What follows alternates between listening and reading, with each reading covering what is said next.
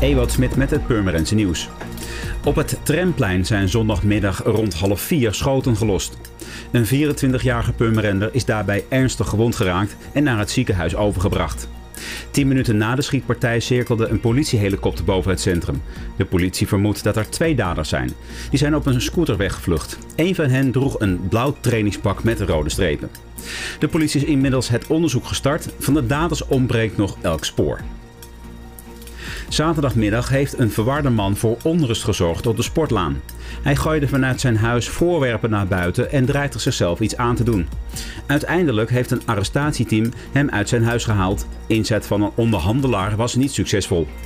Uit voorzorg had de politie gas en elektriciteit in de straat laten afsluiten. De man is niet aangehouden, maar is overgedragen aan het zorgkader.